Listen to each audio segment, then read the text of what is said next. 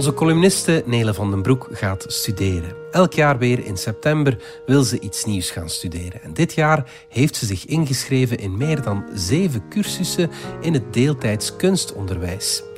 Tegelijkertijd beseft ze dat ze al 38 is. Niet langer alles is mogelijk. Een soapactrice worden in China of operazangeres, dat zit er niet meer in. Misschien zal haar pianospel altijd klinken als het spel van iemand die 30 was toen ze voor het eerst achter een piano kroop. Niet erg. Als ik niet leer, ben ik niet gelukkig, zegt Nele.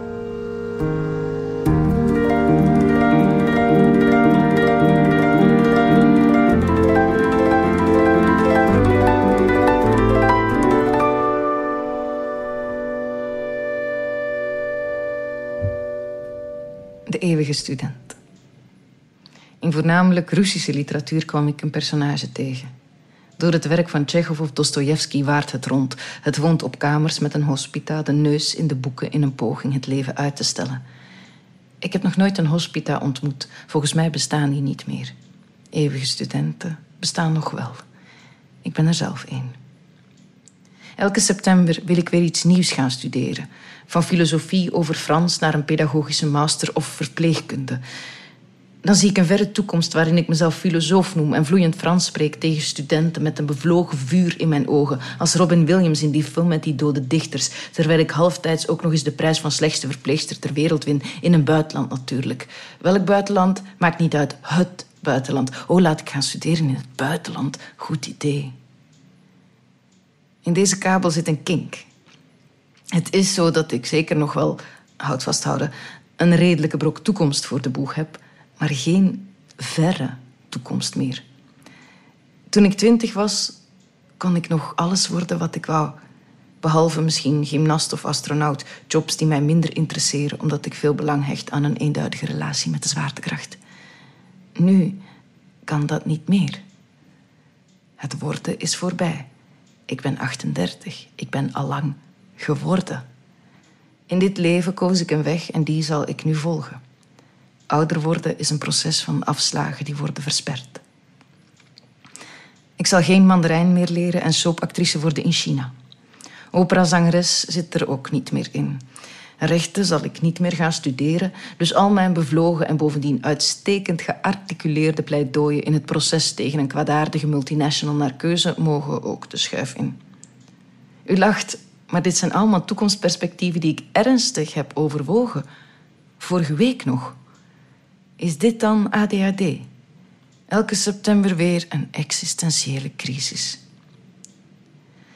Verlichting vind ik in het uitmuntende en unieke Belgische systeem dat DKO heet. Ik ben uiteindelijk toch wel blij dat ik niet in het buitenland woon.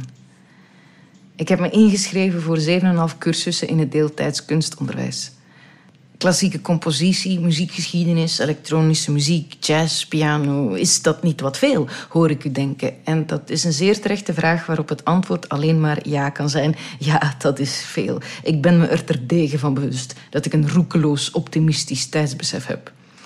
Het secretariaat van de muziekschool liet intussen weten dat het nu wel welletjes is, want een veelvraat als ik is niet subsidieerbaar.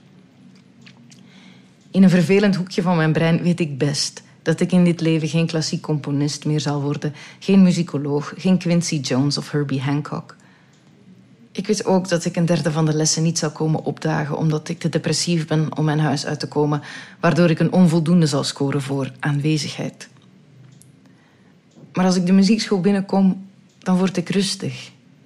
Ik moet me eventjes alleen maar concentreren op de noten op het blad of mijn vingers op de toetsen.